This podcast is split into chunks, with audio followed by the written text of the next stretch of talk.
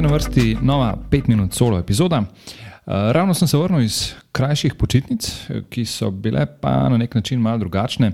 In sicer na crka 400 km oddaljeno lokacijo smo se tokrat odpravili z električnim avtomobilom Volkswagen ID4. Um, vedel sem, da zadeva dobro funkcionira na nekih mojih dnevnih relacijah po Sloveniji, ampak vseeno sem bil malce skeptičen, kako bo to izgledalo, ko bomo naložili poln prtlažnik, se šterje, usedli v avto in šli na daljšo pot. Um, še posebej, ker je v bistvu um, poraba električne energije ob večjih hitrostih na avtocesti pač še toliko večja. Um, in ob razmišljanju o morebitnih težavah, ki bi me lahko doletele na poti, sem v bistvu začel nekako um, se zavedati, da je to nek tak navaden strah oziroma nek odpor do sprememb, enako kot se vem, soočamo na spremembami na delovnem mestu. Um, pa tudi, če gre za neko spremembo, ki je mogoče dobra, je ponovadi vedno prisoten nek tak odpor. Um, vedno, vsakeč, ki je nekaj drugače, pač ni, ni najbolj prijetno, da se zadeva spremenja. Ne? Vedno, ne pri vseh ljudeh, ampak pač um, je ta odpor pogost. Enako je bilo tudi v tem mojem primeru. Tokrat pač ni bila opcija, da bi se, ne vem, kot ponavadi, zjutraj usedli v avto, se odpeljali do prve črpalke, ga natankali in se odpeljali do cilja oziroma do naslednje črpalke, ampak je bilo pač potrebno nekoliko prilagoditi sam proces.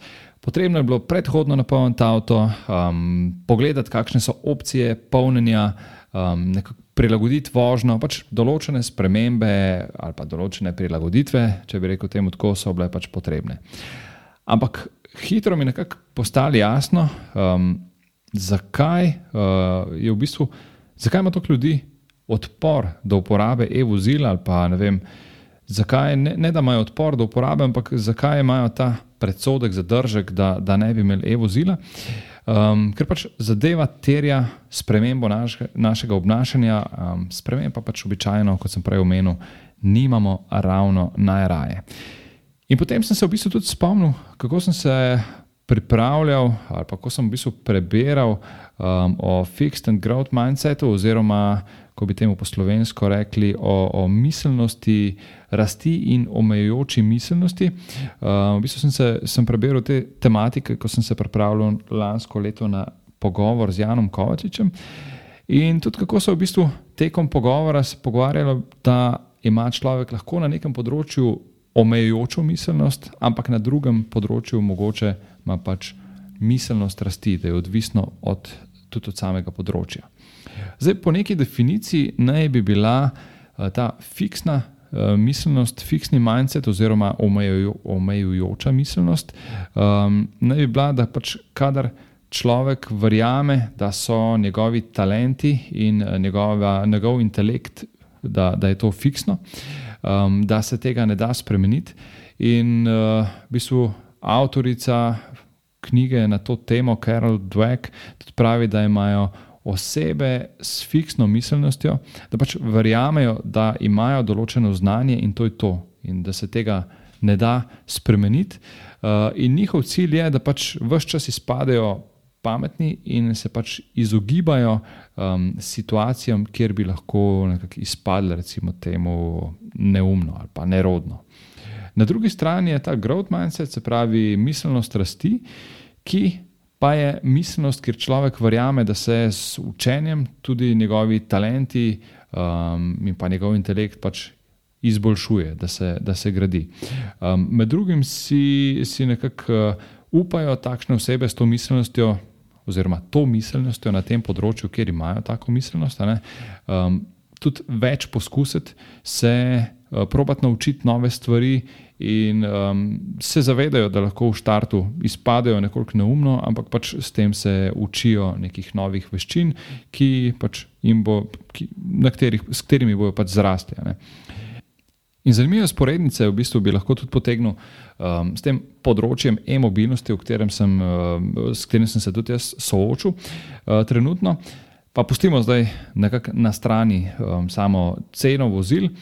Um, v bistvu veliko ljudi se pač ne želi soočiti s takšno spremembo, ker pač zakaj bi sedaj počeli nekaj drugače, kot pa počnejo že ne vem. toliko in toliko časa. Če se vem, že deset let zapored vozim po isti poti v isti kamp na morju, um, seveda se ne bom zdaj, ne vem. Ustavljal na poti samo zato, da bom polnil avto, pa si ne vem, nalagal neko aplikacijo na telefon, pa pač si nekako kompliciral življenje, um, ker pač s tem izgubim čas, pa še konec koncev res izpadem mal, mal hecno. Ne. In zgleda, da je to neko področje, kjer v bistvu smo še dolgo, lahko bi rekel, da smo še precej recimo, v nekem območju neke tiste preomenjene fiksne oziroma omejujoče miselnosti. Včasih se pogovarjam s kom, pa v bistvu mi razlaga, da bi imel lahko kakšen ekstra ugoden, hud električen avto, ampak pač se ne odloči za njega, ker um, konec koncev grejo poleti z družino na morje in njihov kamp v Dalmaciji um, je pač preveč oddaljen, da bi se posluževal takšne opcije. Sicer obstaja tudi opcija, da bi vozilo za tiste 14 dni najel pa ekstra plačo, ampak um, pač, če je zadeva že taka, je boljš med pol celo leto uh, nek dražji, dražji avto, preizkušen in to je to. In da je to trenutno nekako precej pogosta dilema, sploh v teh recimo, trenutnih poletnih mesecih, um, mi je pač dosti jasno. Zdaj, kot prvo sem se sam nekako soočal s pomisleki, um, kako bom sam prevozil to relacijo um, z električnim avtom, kot drugo um, se pa pač pogovarjam z ljudmi, ki nekako se soočajo s podobnimi dilemami in pač razmišljajo o tem, ali uporabiti v tem primeru e-vozilo ali ne uporabiti e-vozilo. Um, ampak ja, mogoče če povem svojo izkušnjo, dejansko res nismo imeli dovolj elektrike, da bi prišli do cilja. Um, ustavili smo se. Morali smo se v bistvu ustaviti vmes na neki črpalki, kjer sem si naložil na telefon aplikacijo od ponudnika, uh, ki je pač ponudil na tisti črpalki možnost polnjenja električnega vozila. In uh, priklopil sem avto na hitro polnilnico, vmes smo šli za crka 40 minut na kosilo, in prišli nazaj, se usedli v avto in odpeljali naprej do cilja. Skratka, neka moja največja skrb, preden smo šli na pot, je v bistvu na koncu bila neka taka prijetna izkušnja, ko smo pač. Uh, parkirali avto, šli neki pojest, um, se umeru pogovorili in nadaljevali pot. Skratka, čist prijetna zadeva. Drugače pa v bistvu v tej epizodi niti nisem želel uh, preveč razpredati o sami e-mobilnosti, niti ne o samem mindsetu, niti nisem želel, da tole izpade kot neka promocija za, za um, e-mobilnost, ampak v bistvu um, je res, da gre eno in drugo nekako z roko v roki. In mindset, in v tem konkretnem primeru, o katerem sem govoril, e-mobilnost, gre sta z roko v roki. Um, in menim, ja, da, da je potrebno biti čim bolj odprt za spremembe in nekako za preizkušanje um, nekih drugačnih stvari. Uh, potrebno se pač zavedati, kje uh, in kdaj uh, se z nečem omejujemo, um, stopiti pol iz neke cone obdobja in pač dat, dati um, sam sebi priložnost za, za neko rast. In mislim, da je to neka taka koristna, koristna zadeva, da pač uh, prepoznamo, kdaj sami sebe omejujemo, um, stopimo ven iz tega ustaljenega vzorca in pač um, gremo na neko to pot rasti. To je to v današnji epizodi. Hvala za poslušanje in se slišimo spet v prihodnji epizodi. Še ena zadeva, preden greš, oziroma dve zadevi, preden greš. Najprej res hvala za poslušanje podcasta. Če ti je bila epizoda všeč, te vabim poslušati ostalih epizod, tistih, ki so že objavljene in tistih, ki še bodo. Hkrati pa te prosim, da na svoji podcast platformi podaš oceno oziroma postiš komentar ali pa mogoče še več, da deliš podcast s svojimi prijatelji oziroma osebami, za katere meniš, da bi jih utegnil zanimati.